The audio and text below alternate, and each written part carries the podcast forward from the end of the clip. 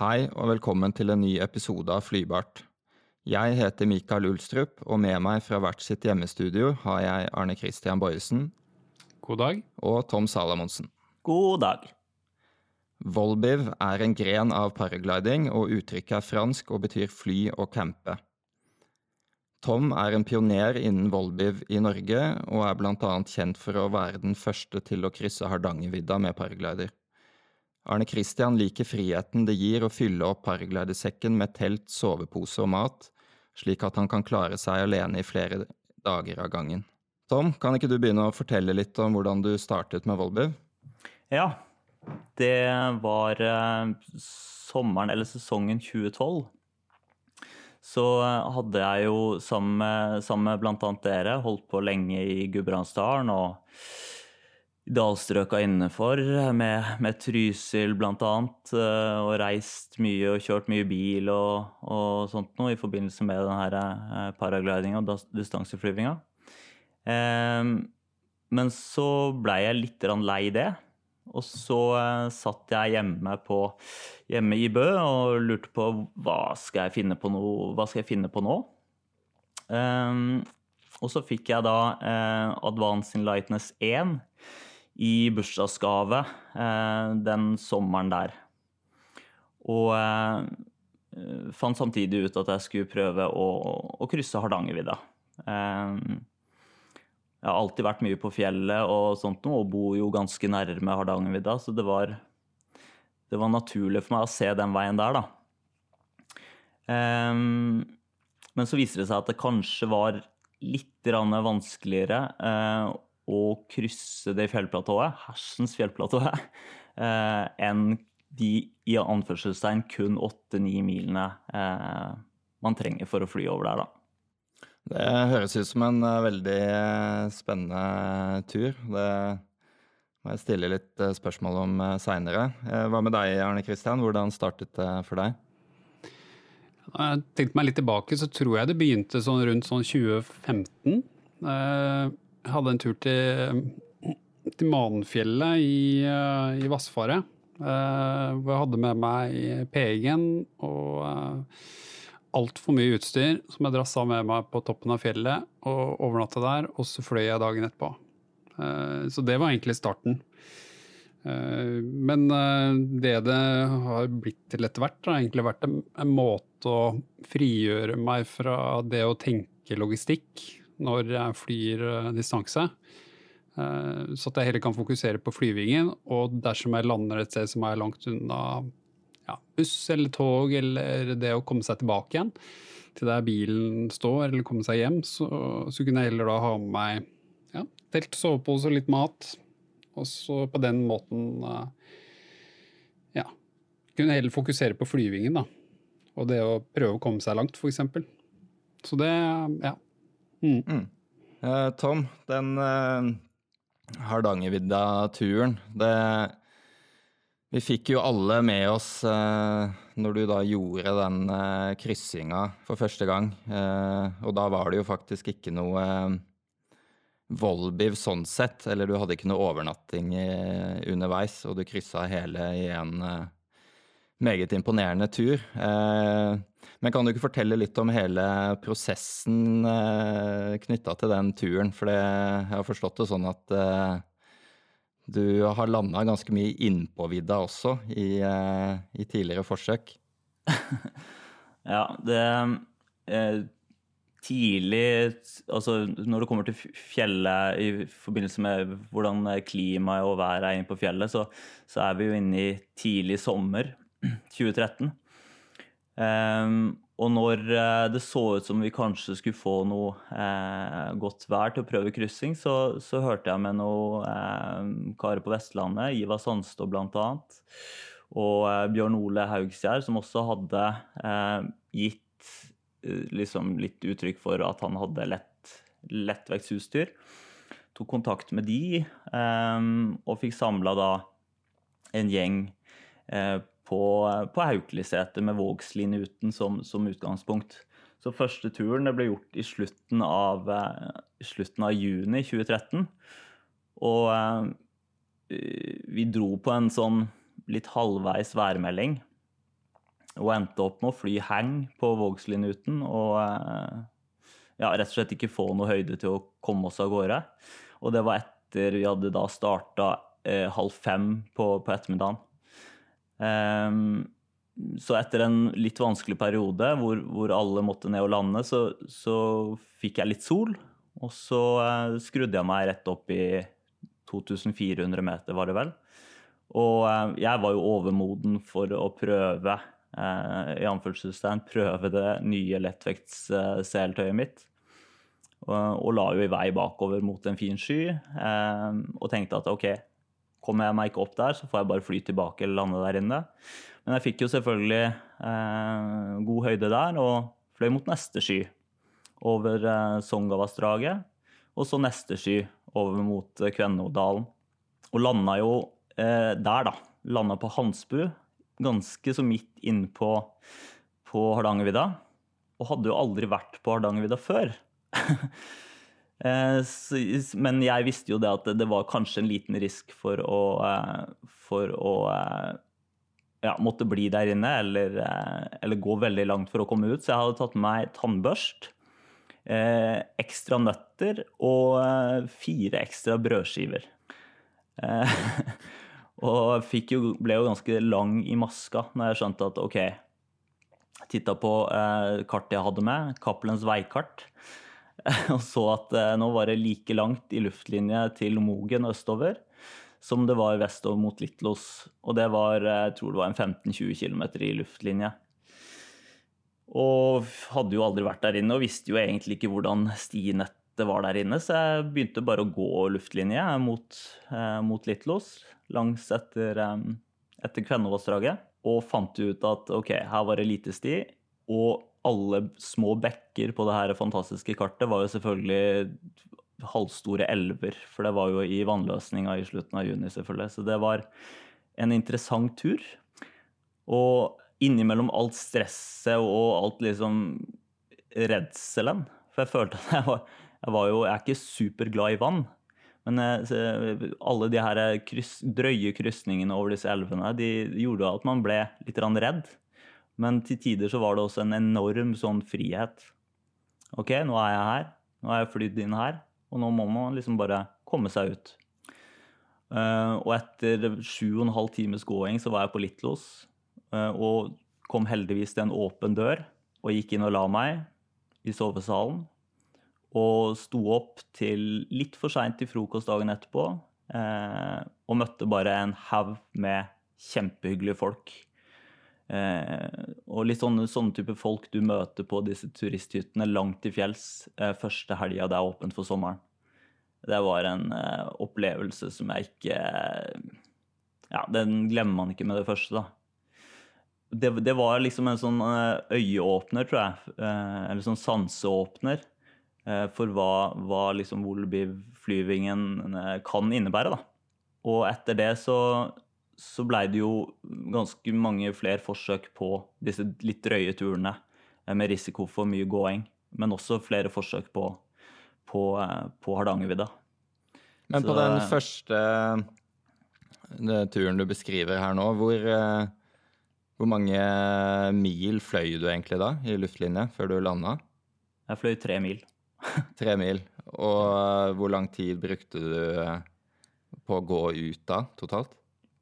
Faktisk gåing så brukte jeg eh, vel en 14 eh, timer. Men eh, jeg hadde jo Beina mine, føttene mine, var helt ødelagt etter den første skal man si, natta med gåing. Så, så jeg ble jo over på Litlos et døgn.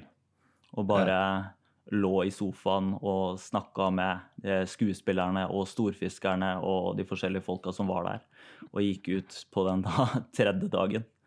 Ja, helt utrolig opplevelse. Altså. Helt vanvittig. Det høres ut som uh, noe som både kan uh, virkelig tenne en uh, gnist for Volbiv, og kanskje også noe som kunne gjort at du bare der og da bare Nei, det her er ikke noe for meg. Nå kjenner jo jeg deg godt og vet jo at dette er, Det er jo det her du digger. Men hva, hva, tenker du hvis det er jo en ganske sånn uh, tøff uh, start du gjorde, da, med å liksom virkelig uh, bare gi gass på et såpass øde område, da. Du, du, tenkte ikke at det kanskje var bedre å liksom ta det litt mer gradvis? Ja, men det er, det er et godt poeng.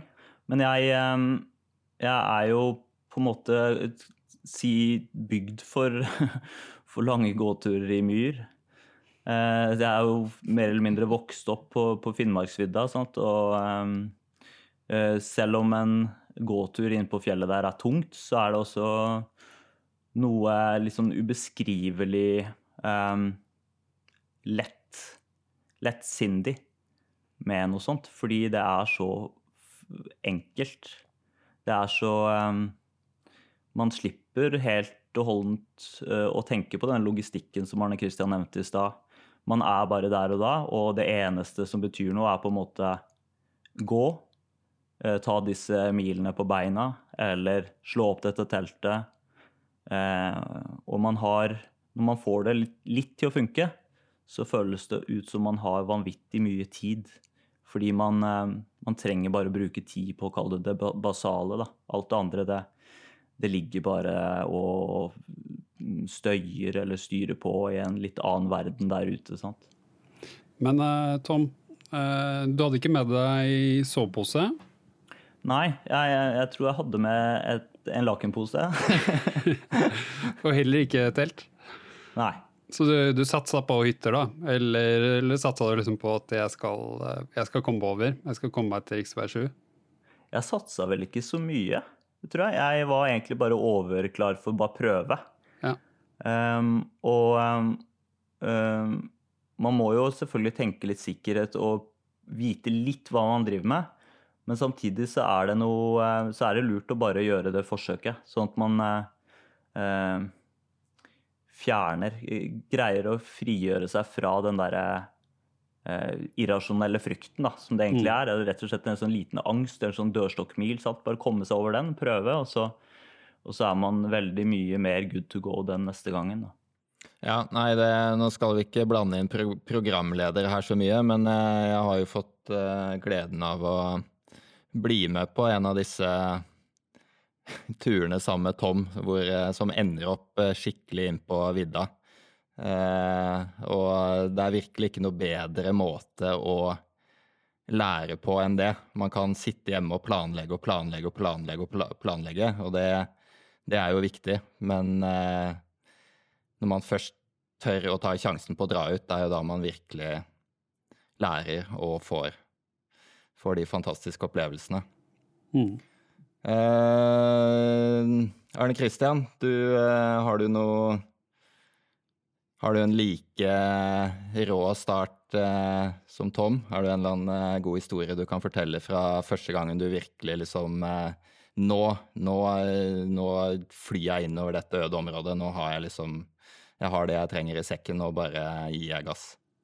Ja, jeg tenker vel litt sånn motsatt av Tom, da. At jeg vil jo gjerne ha med meg litt sånn sikkerhet da, før jeg drar innover disse fjellplatåene. Så ja, Vi hadde jo en tur fra, fra Seljord eh, i eh, Det var vel 2020, tror jeg. Vi, starta i Bø. Og så hadde vi altfor lav skibass eh, til å klare egentlig å komme videre etter Seljord. Så da endte jeg opp med å fly lavt eh, inn over fjellene på lav skibas eh, nordover til jeg kom ut ute ved, ved Rjukan. Og så Og da var jeg egentlig superfornøyd med turen, for jeg hadde gjort, gjort det partiet der på Ja, det var sånn noen hundre meter over toppen, liksom. Det var, det var, ikke noe særlig Jeg tror Skibas lå på rundt 1900-2000 meter. Ja. Så um, når vi da Nei, da kommet ved, ved Rjukan Jeg husker at du, Mikael, du feiga ut uh, før Seljord og fløy tilbake. Og så tenkte jeg nei, fader, jeg, nå har jeg muligheten, nå må jeg bare stikke. Så, ja, det var, den, det var, den, turen vi fløy sammen med Fredrik og Marius. Ja, riktig. Ja. Så Nei, det, det jeg hadde av uh, høyde der, altså, det var ikke mye å gå på. Men så klart, da hadde jeg med meg utstyret. Jeg hadde med soveposen, jeg hadde med teltet mitt og mat og brenneren min, på en måte, så det spilte på en måte ikke noen rolle, da. som Bøsta jeg på et sted som var litt sånn øde, så spilte, spilte det på en måte ikke noe Det hadde ikke noe betydning. Så, så når jeg da kom til Rjukan, da, så jeg fløy jeg over Åmotsdal etter Seljord, da. Og da, Det var egentlig ikke så veldig fine skyer heller, som det vokste jo og var ganske grått. Men termikken var jo dritfin, for det var jo så ustabilt. Men når jeg da kom til rundt Vemork, da, så, så, så, skjønte jeg liksom nå, nå Enten så må jeg gå og lande nede i dalen eller så må jeg bare prøve å gutse innover fra, fra Vemork. da. Og da blei det egentlig eh, ikke så veldig mye mer. Fikk en sånn svak boble innpå der, så endte opp med å lande da, eh, som eh, nord for Vemork, innpå fjellet. Men det var liksom helt perfekt. For da, da etter å ha landa, så så jeg sørover, så så jeg rett på Gaustatoppen, og så visste jeg at eh, ja, ja, nå, nå er jeg her. Eh, og, og, jeg må komme meg hjem for å plukke opp kone og barn på Gardermoen dagen etter på kvelden, ja, men det går fint. For det, det går en uh, buss fra, fra Rjukan på morgenen. Så, så, da kan jeg overnatte her oppe, og så kan jeg gå ned og ta den bussen dagen etter. Ja. Og hadde jeg ikke hatt teltet mitt og, eller soveposen eller sånt med, så hadde jeg jo hatt ja, da var jeg stuck oppå der, da. Og måtte liksom stresse for å komme meg ned og så kanskje prøve å haike til, til Notodden eller et eller annet sånt noe. Eller ta en dyr natt på hotell. Det hadde sikkert vært moro, det, altså. Men eh, nei. nei så da, da ble det på en måte egentlig en sånn halv, halvtur, egentlig. Det var ikke så veldig langt, men likevel da, så ble det som en sånn tredagers opplevelse med en natt på, på, på, Bryggefjell, og så en natt nord for Vemork, og så, og så turen hjem, da. Gå ned fjellet dagen etter i, og komme seg hjem. Så det ble på en måte en sånn tredagers opplevelse av en ja, distansetur på, på seks mil. Så Mm. Hadde du med deg boka 'Livets uutholdelige letthet' eh, da også, Arne Kristian? det burde jeg hatt. Nei, men for meg så dette, Det er litt som Volby handler for meg. Det, det, er, det, behøver ikke absolutt være noen lange turer, men, men du, kan, du, kan, eh, gjøre noe annet ut av turer eh, som ellers kanskje hadde vært litt sånn kjedelig. da, At du hadde vært stuck oppå der. Så kan jeg heller være på fjellet og så nyte det.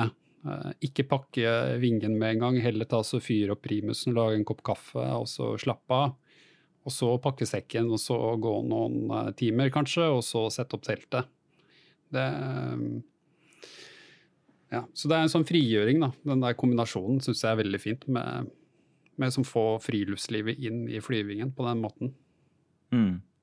Så, så lenge man har en, en litt sånn um, sikkerhetsbuffer eh, i bunn eh, når man gjør planlegginga, så, så, kan dette være ganske så lavterskel. Eh, veldig enig i det. Og enkle, eller relativt korte turer de kan bli veldig mye finere hvis man bare eh, ha med seg teltet rett og slett, og kanskje en liten fiskestang og gjøre det til en eh, litt annerledes opplevelse. Mm. Nei, så hvis jeg skulle nevnt en annen tur, da, en nyere tur, så tenker jeg kanskje den fra, som jeg og Tom hadde fra, fra Rognvola i eh, litt sør for Koppang i sommer. Det, det, var jo litt av det samme, men da sånn kombinert med ja, 15 mil cirka på Tom og, og, 19 mil på meg til, til Geilo. Og to, to, fine netter i telt på to forskjellige flotte steder. Eh, superfin gåtur på kvelden dagen før, og så den kjempeflyturen over en haug med dalfører. Og så ja, natta ved vannet ved golfbanen utenfor Geilo, og så, så bussdagen etter. Eh, nei, det er nydelig, altså. Det er, eh, det er, det er sånt jeg lever for. Da mm.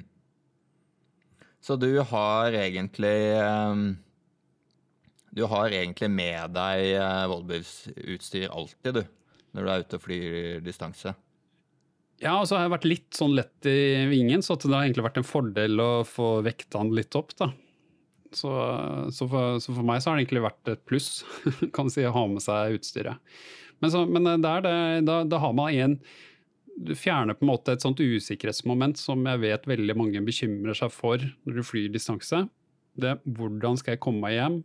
Eh, så du, slipper liksom tenke på at du må ha med deg noen som eh, kan kjøre bil eller eh, noe sånt. Det, det blir på en måte noe du slipper å tenke på. Så det eneste du må tenke på, er at du, er ikke sikkert du klarer å komme deg tilbake og jobbe liksom, dagen etter. Men nei, jeg vet ikke, nå, nå, som vi er så gode på hjemmekontor, så kan vi jo liksom bare ta med oss PC-en, og så jobber vi, fra, fra, det stedet vi lander. Det er jo sikkert 4G eller 5G der også, oppe på fjellet, så ja. Så slipper du å dra hjem. Kan du bare være på tur. ja, vi har jo en uh, Trenger ikke å nevne navn, kanskje, men vi har jo en god uh, en god kamerat som uh, er kjent for å fly med, med jobb-PC-en. Så her er det definitivt muligheter. Jeg vet ikke hva sjefen min ville sagt til det, men Nei, det er ikke mange jeg kjenner som har tatt liksom et sånt møte i, i, trusa liksom på, på Solbergåsen-starten.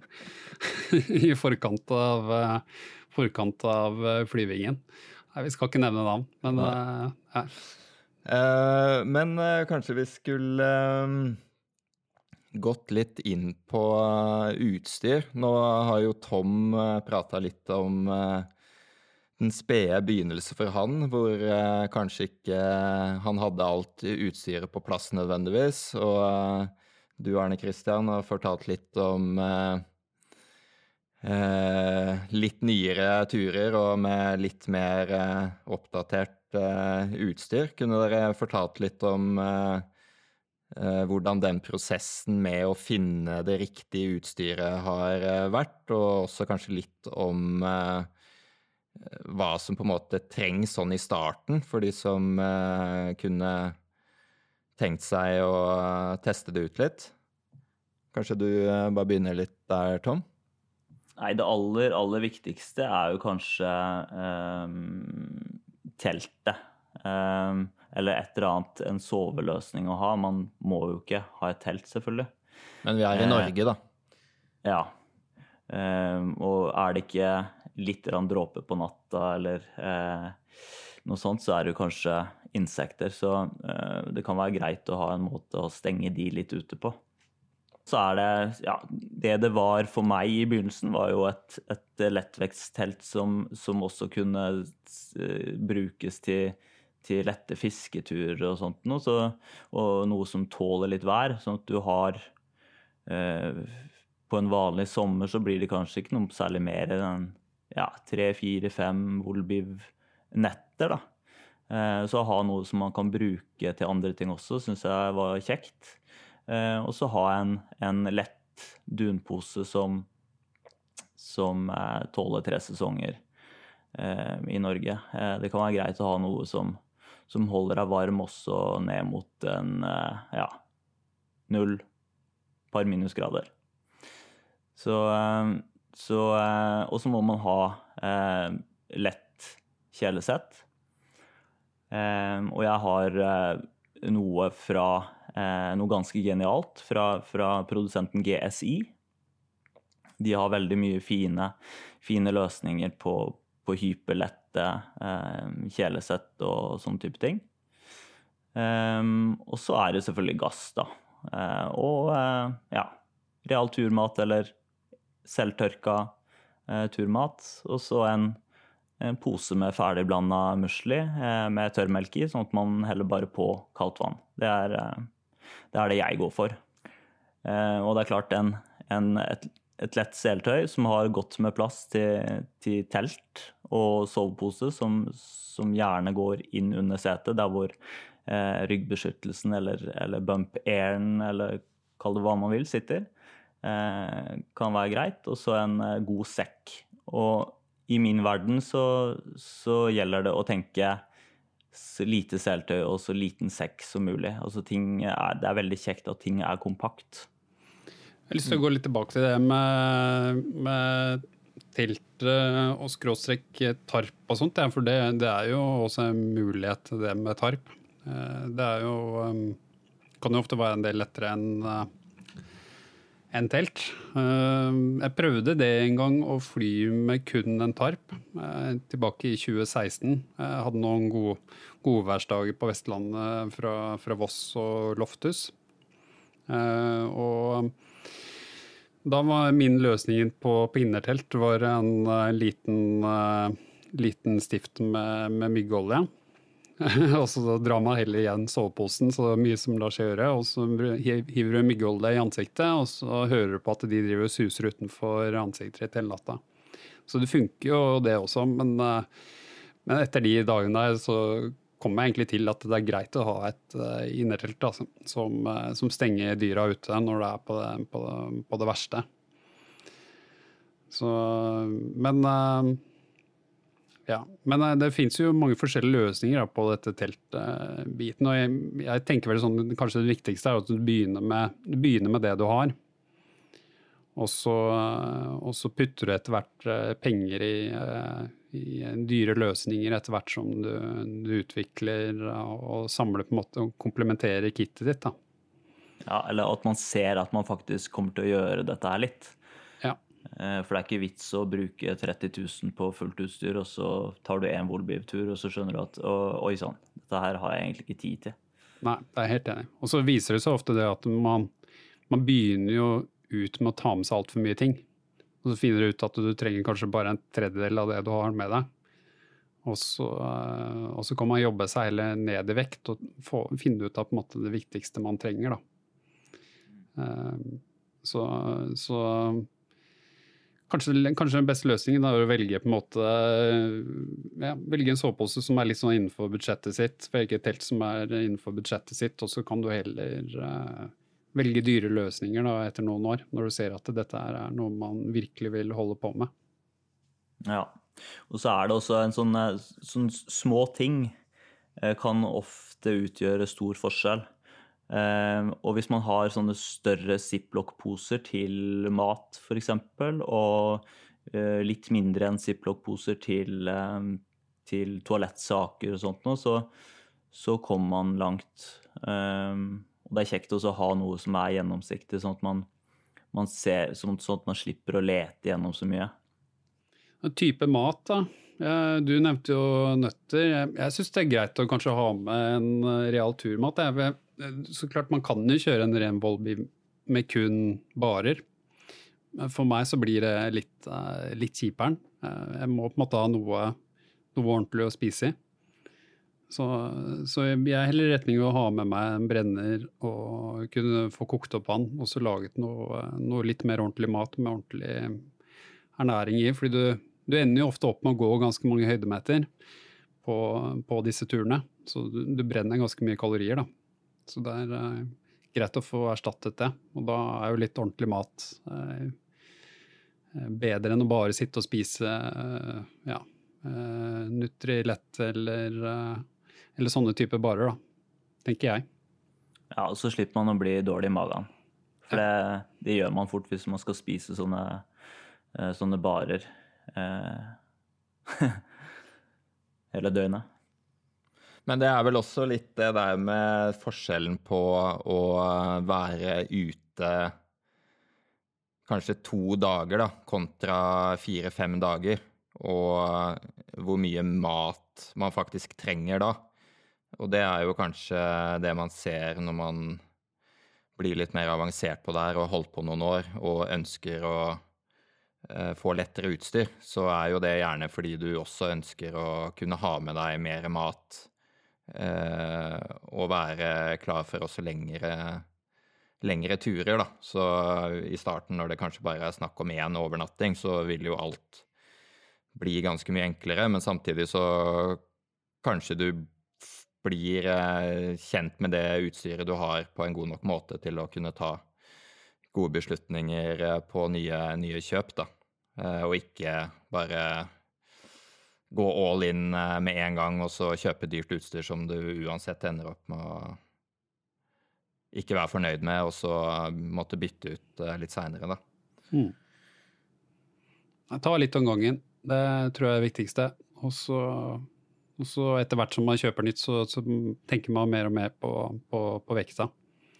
Og, eh, og, kan det brukes til mer enn én ting? Det er ofte et sånt spørsmål jeg stiller meg selv. For eksempel så, så, bruker jeg staver når jeg går, for jeg syns det er behagelig når jeg har en tung sekk. Og Da gikk jeg for et telt som jeg kan kombinere med staver istedenfor å måtte ha med egne stenger. Så det er jo i hvert fall syns jeg er en fin måte å tenke på. Liksom velge, velge, ting som du kan bruke på, på flere, flere, forskjellige måter. Da. Hvor mye er det utstyret deres eh, veier nå på Ja, du kan ta med og uten eh, mat, kanskje, da. Ja, der må jeg bare sende ballen videre, for det er jeg rett og slett ikke sikker på. Nei, Nå må jeg sånn, ta opp det store Excel-arket mitt, da, som, eh, som, viser eh, alt av forskjellige ting. Så nei, jeg ender opp på med, med alt, da, så vanligvis rundt, eh, rundt 19 kilo. 18-19 kilo. Og da inkludert én liter vann, sånn cirka. Tror jeg. Nei, det er vel cirka det der jeg også ligger. Jeg husker det, vi hadde jo den Husker du den turen, Tom, vi hadde med, med Frode Halse i uh, Jotunheimen? I, når var det? Ja? Det begynner å bli ganske lenge siden. Hvor vi hadde gammelt utstyr. Eller i hvert fall jeg og Frode hadde det. Jeg vet ikke hva jeg drassa med meg da. Det var vel sikkert 25 pluss. Det, ja, det var, var tung eh, gåing ut igjen, altså. Det er helt mm. enorm forskjell på 25 kilo og 20, 20 kilo. Dette var jo sommeren 2013. Eh, 11. juli. Um, og da uh, lag, hadde vi vel en teltcamp med de kall det vanlige turteltene våre. Uh, ikke så langt unna Lervasbu. Og de teltene med liggeunderlag og sovepose ble jo på en måte bare liggende der. Men tross det så Så hadde vi Ja, vi fløy en liten halvtriangel ute i fjellheimen og landa i eh, Raudalen. Um, og tross at telt eh, overnattingsutstyret lå igjen, så hadde vi jo ganske tunge sekker eh, på vei tilbake igjen til den teltcampen på, på kvelden. Det, vi var nok oppi Ja, dere var nok oppi 25 kilo, vil jeg tro. Mm. Så det er klart det blir heftig. Men det er også um, et sånt godt eksempel. Det var veldig tidlig. Uh, jeg blei litt overrasket når jeg så hvor tidlig den, vi gjorde den turen. Uh, men det er jo et veldig godt eksempel på hvor utfordrende det er å gjøre Volbiv sammen. Vi hadde jo planer om å fly ja, rett og slett ja, snakka mye om det på forhånd, krysse Hardanger, nei, Jotunheimen. Men det ble vel med at planen var at de skulle fly sammen i Jotunheimen ha en fin tur. Og så eh, gjøre noe fin filming for Kristoffer, som var med eh, på landing den, den turen, da. Eh, men det var samtidig en god erfaring på uh, hvor krevende det er å være flere på tur. Selv om det var en kort tur, så var det også ganske krevende å holde sammen. Altså. Så eh, da i 2015 eh, så begynte jeg Da begynte Volbiv-utstyret mitt å bli ganske komplett. Med telt og kjelesett og ja, full pakke med liggeunderlag og, og utstyr for å overnatte noen, tur, noen, da, noen netter ute. Men da hadde eh, I juni så hadde jeg og Arne Kristian en tur fra, fra Hjartdal. Eh, og da var planen at vi skulle fly og lande sammen. Eh, og vi, vi landa jo ofte sammen. Så vi hadde satt oss som plan at vi skulle dele på litt utstyr, sånn at vi slapp å ha med alt. tanken var god. tanken var god. Så vi, eh, det å dele på kjelesett, f.eks., at én har gassen og noen andre har kjelene, f.eks., det, det, det, fant vi, det, ja, det fant vi vel ut allerede da at det er vanskelig, altså. Da kan det være at det ikke blir noe mat. ja, det er eh, Man må nesten ha komplett utstyr selv også, men uh, det, er, det er jo fullt ut mulig å få til sånne turer. For all del. Men uh, man kan på en måte ikke uh, eller kan du si, se for seg at du lander et sted, og så er du sikker på at du klarer å lande sammen med, med kompisen din. Det, det, går ikke an. Nei, sånne planer så, kan man ikke ha. Da må man i hvert fall ha en veldig streng regel om at alle lander der den første lander, uansett. Og det da I teorien så innebærer jo det fort at man buster og lander nede. sant? Mm. Så, um, så nei, det, det kan være litt krevende, altså. Vi har vært litt innom pakkeliste. Jeg, jeg var inne og sjekket min egen pakkeliste, og da så jeg at jeg endte opp på 18 kilo med, med alt. da. Den, eh, det har jo gått da fra kanskje sånn eh, 24 kilo og ned til, ned til 18. Eh, med å kunne klare å gramme og så finne ut av hva man trenger å ha med seg og ikke ha med seg. Eh, og det er nok fullt ut mulig å gå enda lettere også. Og fortsatt kunne være ute en del dager.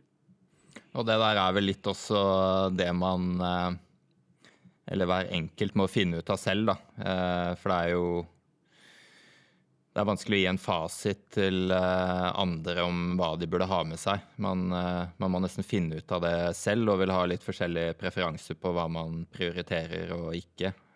Så finner man jo en eller annen balansegang etter hvert som passer for en selv, da. Eh, Jeg for eksempel er nok den som har tyngst sekk av oss, da. Men jeg er litt sånn Liker å ta med meg litt mer enn litt for lite, da. Og så har det selvfølgelig også litt med vilje i vektområdet i eh, vinge og sånn type ting å gjøre. Ehm, men kanskje vi skulle gått litt over til eh, kan du si det, da, at i hvert fall sånn på vinge, da, så er det Det, eh, det går jo an å bruke vanlige vinger òg. Du må ikke liksom velge det letteste av det letteste. Som Kjøpe det spesifikt. Det er jo ofte det som koster mest da, i, i pakken. Eh, Så man må bare bruke den vingen man har, og så kan man heller tenke på, hvis man syns dette er kult, så, så går man for en lettere vinge i neste runde. Skulle vi prata litt om eh, vær? Vi har jo eh, mye vær i Norge, og det er jo Det kan jo være vanskelig nok bare å treffe på én dag med god eh, flyving. Eh, Hvordan eh, klarer dere å, planlegge og treffe på disse periodene som gir dere muligheten til å fly to og tre dager på rad på en Volbiv-tur? Å, ja. Det er et, ehm, et godt spørsmål, eh, og et veldig stort et. Ehm, eh, for å bryte ned og ta det litt tilbake igjen eh, Nå høres det ut som en Matrix, en av Matrix-filmene, dette her, men begynne på å rett og slett lære seg været.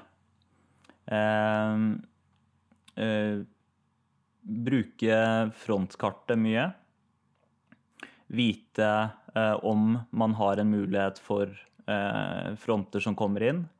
Det kan være veldig vesentlig i forhold til eh, kall det i anførselstegn uventede vindøkninger. Rett og slett bare være klar over eh, at, at fronter kan komme inn med, med uforutsigbart uventa vær og vind. Eh, og så må man ha eh, noen klare eh, regler for seg selv på, eh, på hva som er for mye vind. Eh, og så må man vite hvordan man kjenner det igjen på, på metogrammet, på metogrammer til yr eller storm, eller hva man bruker, og eh, vindhastigheter på vind i eller på, på termikvarslene til f.eks. RASP. Eh, for eh, eh, skal man gjøre Volbiv sikkert i Norge, så må man eh, eh, kjenne litt været, altså å ha sikkerhetsbuffere på, på, det man, på det man driver med. Eh, fordi vi skal alle fly, sant? helst til vi, til vi er 70-80 år. eh, og det er, det er viktig, for meg så er det viktig å, å, å si det, altså. Eh, fordi at det, eh, det aller viktigste er at vi, vi kommer tilbake igjen hele, og at vi har hatt en fin opplevelse. Jeg er helt enig, Tom. Det er, eh, eh, det er det viktigste å tenke sikkerhet oppi der. Og så I tillegg så vil du jo kunne ende opp på starter du kanskje ikke har vært på før, og sånt på dag to. og ja, Nye steder. da. Så, Så, man må tenke sikkerhet oppi det. Jeg tenker vel utgangspunktet at du må jo se etter kanskje en høytrykksperiode, hvis du skal tenke flere dager. da. Så er det jo Har, har du en eh, Får du en høytrykksperiode, så, så kan du kanskje få ja, eh, to gode dager på rad. Da. Så da, da har du en mulighet til å finne på noe. Så kan du ha gåtur på dag én, flytur på dag to, flytur på dag tre. og så gåtur på dag fire. Da har du en kjempeopplevelse. Mm. Så det er vel kanskje det som er mine erfaringer, at noe særlig mer enn det er nesten vanskelig å, å, å få til sånn på gode dager på rad i Norge. Men så klart, det, det, kan, jo, det kan jo skje. Og så tenker jeg at i Norge så, eh, i planleggingsbiten eller i landskapsbiten, så tenker jeg at det, vi har to skoler. Eh, den ene er å, eh, sånn som du sier, Arne Kristian, få et godt, eh, en god værmelding med helst høytrykk sant? og forutsigbare eh, trykksystemer. Um, og så eh, kanskje legge en plan. Man har lyst til å komme dit, og så prøver man å plassere seg i landskapet i forhold til hvor det er mest naturlig å starte.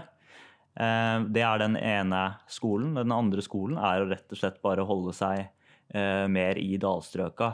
Eh, mellom Numedalen og Eh, Gudbrandsdalen, Østerdalen, eh, og, og, fly opp og ned, eller prøve å krysse de eh, fra, fra, vest til øst eller øst til vest. Og så, det gjør ting veldig mye enklere om man holder seg i de dalene. og et godt eksempel på den første skolen og, og hva som kan skje hvis man har litt uhell, Eh, det er jo den turen som du nevnte i stad, Mikael, som vi hadde nå i sommer. Eh, hvor vi har, i utgangspunktet har litt sånn vanskelig vær, fordi det er litt stabilt, og vi har litt vind i værmeldinga. Men da hadde vi store planer og eh, så for oss at vi skulle fly fra Haukeli-området og oppover retning Gudbrandsdalen i, i løpet av en par, tre, fire dager. Men det som da skjer når eh, vi ikke kommer oss opp og har korte turer og sånt nå, er jo at vi kommer Vi får følgefeil. Eh, så, så um, akkurat det, den perioden der så vi jo, var vi jo sett i retrospekt for ambisiøse. Og hadde gjort det mye enklere for oss selv hvis vi hadde holdt oss i dalstrøka innenfor det nevnte feltet. Numedalen og Gudbrandsdalen. Um, så, så, det er klart, man må jo um, prøve å være litt ærlig med seg selv, eh, tror jeg, eh, når man skal gå ut og, og, og forsøke på Holbyv. At man, man, tenker litt uh, uh, Hvor er jeg? Uh, hvilken erfaring har jeg? Og hva er det lurt at jeg begynner med? Mm. Og så, ja, når det gjelder akkurat den turen der, den var jo litt frustrerende på noen måter. Eh, og vi hadde jo, som du sier, vi hadde jo ganske høye ambisjoner. Eh, men samtidig så ble det jo et lite eventyr ut av det der også. Eh, og det tenker jeg jo at eh, det kanskje er liksom greit å tenke på også med tanke på et sånn sikkerhetsperspektiv, da. At man kjenner seg selv så godt at man ikke blir helt blendet av de Det man har lyst til å få til, da. Men at man da klarer å nullstille litt underveis og uh, tenke på de realitetene som man blir uh, møtt med, da. Og hvis man klarer det og kan sette pris på og ja, at det blir mer gåing enn flyving og sånn type ting, da, så, så kan jo det kanskje også være mye god sikkerhet til det, da. Eh, for det å ha helt perfekt vær, det er det jo sjelden vi får, da. Det blir jo ofte litt annerledes enn det. Kort og godt så blir det vel aldri perfekt, eh, tenker jeg. Eh, det høres riktig rett ut for meg. Og så, så er det når, Det du sier, Mikael, er, er veldig riktig. Men for meg så er det også, handler mye om disse stedene vi besøker.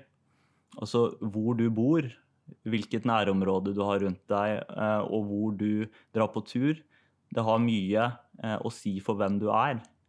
Eh, så stedene du flyr over og besøker, det, det, blir, det blir, på en måte gradvis mer og mer en beretning. Altså en slags fram, fremkalling av, av, ditt liv og deg selv.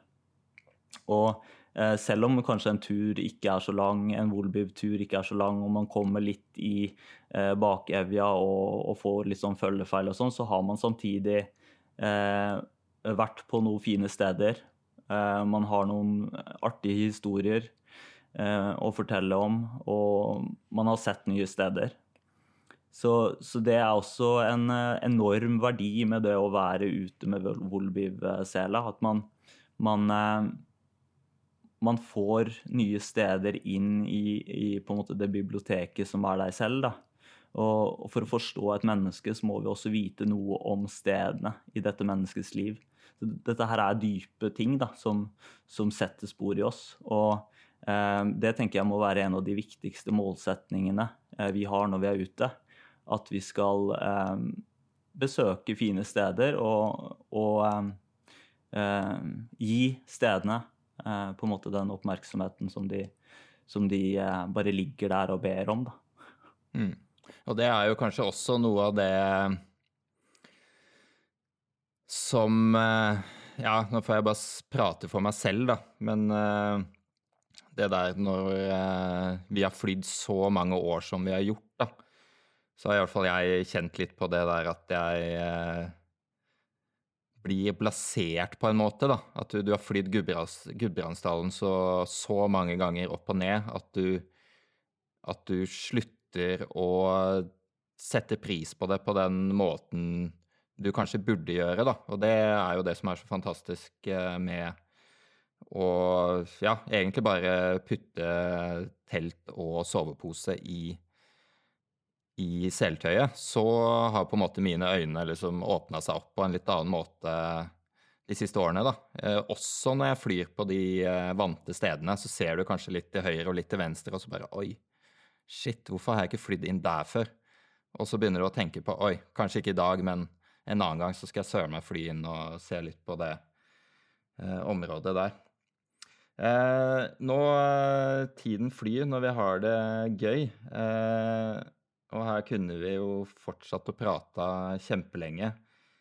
Det jeg er litt interessert i å eh, avslutte med, er å eh, be dere om å beskrive et sånn eh, enkelt øyeblikk på, på, en eller annen Volbiv-tur. Et eller annet sånn øyeblikk som sitter ekstra sterkt i minnet. Det kan være ja, fra noe som skjedde i lufta, eller eh, en eller annen eh, spesielt fin eh, teltplass, eller hva det skal være.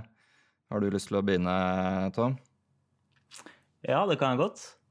Um, det har jo blitt noen.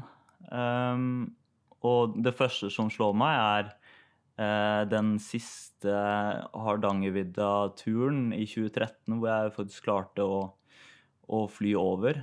Eh, det var en enorm tur, og veldig unik i, i, form av at det var en distansetur, for det var så mange nye elementer der som, som gjorde det ekstra kult. Um, det var jo septemberforhold inne på fjellet og kjempesvake bobler og noen skybaser etter jeg hadde kryssa halve fjellet. Eh, som bare var helt vanvittig. Du skrur deg opp fra en rundt 1000, ja, mellom 1000 og 1500 meter, og så opp til skybas på godt og vel 2500 meter, og, og ser, eh, ser Hardangerkulen bli større og større. Eh, og når jeg da lander dagen etterpå, var det vel, så snakka jeg med Arne Kristian. Da var han på, på, fødestua og skulle bli far for, uh, for, første gang, tror jeg. Da må du bare arrestere meg om jeg tar feil, men jeg tror det skal stemme ganske, ganske bra. Høres riktig ut, det, Tom. Ja. For da hadde jeg jo eh, på forhånd vært veldig klar over potensialet til den dagen her. og jeg lå bak Arne Kristian på distanseligaen. Så jeg eh, satte opp noen deklarerte turer, satte opp noen punkter på, rundt rv. 7. Eh, litt forskjellige punkter, men det viktigste med disse deklarasjonene var jo at de skulle gi meg akkurat samme poengsum som Arne Christian. Så det jeg gjorde, det var å måle distansen fra Vågslinuten over til disse punktene. Og så plussa jeg på 0,1 eller 0,2 km som gjorde at da var jeg ganske sikker på at eh, når jeg hadde da eh, multiplisert uh, tror jeg det heter, den gangefaktoren eh, for deklarert mål, så ville jeg komme eh, likt med Arne Christian. Eh, og brukte da en sikkerhetsbuffer eh, for å være sikker på å ikke komme bak Arne Christian. Så den, den sikkerhetsbufferen da var på 0,1 eller 0,2 km. Og det viste seg jo at det stemte jo på en prikk, så når jeg da eh, gikk for det, eh, det deklarerte punktet på rv. 7, så, så endte jeg og Arne Kristian opp på akkurat samme summen. Så, så, så det, var eh, eh, Det var jo en spesiell samtale jeg og Arne Kristian hadde dagen etterpå. Eh, men det også var et av de mange punktene med den turen som gjorde at det var eh, ja, det, det, det, føltes som å, å, leke litt med livet, det der. Altså. På, en, på en veldig ufarlig måte. så det, det, er en av de veldig fine eh, erfaringene som jeg har. Eh, og så har jeg også en, en veldig tidlig eh, Eller en relativt tidlig eh, Volbiv-tur også fra, fra Seljord og til, til Setesdalen, og så eh, tilbake igjen til Østlandet på på over to dager, da. Og det også er en, eh, en, som, en som, sitter igjen, en tur som setter igjen. Eh, tatt forholdene i betraktning. Det at det var i september, og eh, at jeg jakta på, på seieren i, i distanseligaen da også. Eh, ja. Ja, og du Erne Kristian, har du noe som eh, Noen øyeblikk som eh, topper alle de andre? Nei, Tom har uh, utrolig mange gode øyeblikk, så det er nesten vanskelig å toppe det. Men uh, Ja, nå tenkte jeg den, uh, for din egen del mest, da, ikke som en konkurranse. Ja. Nei, vi, jeg var jo inne på den turen fra Rognvola i sommer. Den var nok Jeg syns det er utrolig, utrolig fint. Men jeg, jeg tenkte jeg skulle ta så nevne et annet, annet, eksempel, som var kanskje det, det, verste og det beste på en gang. hvor jeg da Vi hadde flydd fra Espesetra, så skulle vi gjøre en uh, i Heidalen, så skulle vi gjøre en liten triangel. Og så endte jeg opp med å, på vei tilbake igjen, å bøste uh, på Teikampen, som ligger liksom, sør på andre sida, på østsida ved, ved Kvam. Uh, og så når jeg sto der nede, da, så fant jeg ut at nei, faen, jeg er ikke ferdig, ferdig ennå. Jeg vil, vil, opp og prøve fly igjen. Så jeg, jeg pakka sekken, og så dro jeg opp Eh, på fjellet. Uh, skulle da gå, og så starte da i den hogstfeltet da, som ligger på vestsida av Kvam. Vi, kaller det Kvamsvingen. Uh, hogstfeltet ser jo veldig fint ut på avstand. Men når du kommer opp dit, så ser du at dette er jo ikke særlig ålreit å starte. da. Eh, så det var jo én ting. Og det andre problemet var at eh, de bekkene som var merka opp på kartet, for det var veldig tørt år, de, de, gikk jo så klart ikke der. For eh, de var jo tørka ut. Det var jo så Ikke noe vann til stede. Så jeg endte opp med å rett og slett bli dehydrert da, når jeg skulle prøve å starte. Så fant jeg at dette her er jo Dette går ikke, dette er jo rett og slett farlig. Så da pakka jeg sammen sekken og så gikk jeg, gikk jeg, videre oppover fjellet uten sekken, bare med vannpose, for å fylle de opp da, i noen uh, vann. Uh, og det, der gikk det jo så klart også sauer i nærheten. Jeg hørte bjeller og, og sånt, så jeg ble plutselig redd. Tenkte, tenkte på en historie som Tom hadde fortalt en gang, om uh, bli dårlig i magen på å drikke vann der det beiter sauer i nærheten av. Men du var sikker på at de bjellene var sauer? Nei, det kunne vært noe jeg bare innbilte meg også, for det gikk jo ganske rundt i hodet mitt. Altså. Så, men jeg måtte bare drikke, da, for jeg var jo så tørst. Så, så jeg gjorde det. Fikk meg opp masse vann. Og så gikk jeg ned igjen for å hente eh, resten av utstyret. Bar sekken opp igjen. Eh, og så jeg, slo jeg opp teltet da i øverst i Kvamsvingen sånn klokka åtte på natta fikk eh, Nei, begynte kanskje å nærme seg ni, tror jeg. Og så eh, fikk fyrt opp primusen, laget meg litt mat. Jeg tror jeg hadde med litt whisky også. Og så så på utsiktene utover, utover Gudbrandsdalen og Kvam. Hadde lokalisert hvor jeg kunne starte dagen etterpå. Og det var på mange måter det verste og det beste på en gang skikkelig dehydrert. Eh, men så kommer det opp, slå opp teltet, og kunne nyte litt grann, eh, godt i koppen og god mat, og dødssliten legge seg i teltet. For en dritfin flydag eh, dagen etterpå. Nei, det Ja, det var veldig bra. Ja, for den dagen etterpå så fløy jo du en veldig fin triangel. Og eh, endte jo opp med å kunne starte mye tidligere enn det vi som sto på SP-setra kunne. Så du passerte jo over hodene våre du, på, eh, på, på formiddagen der.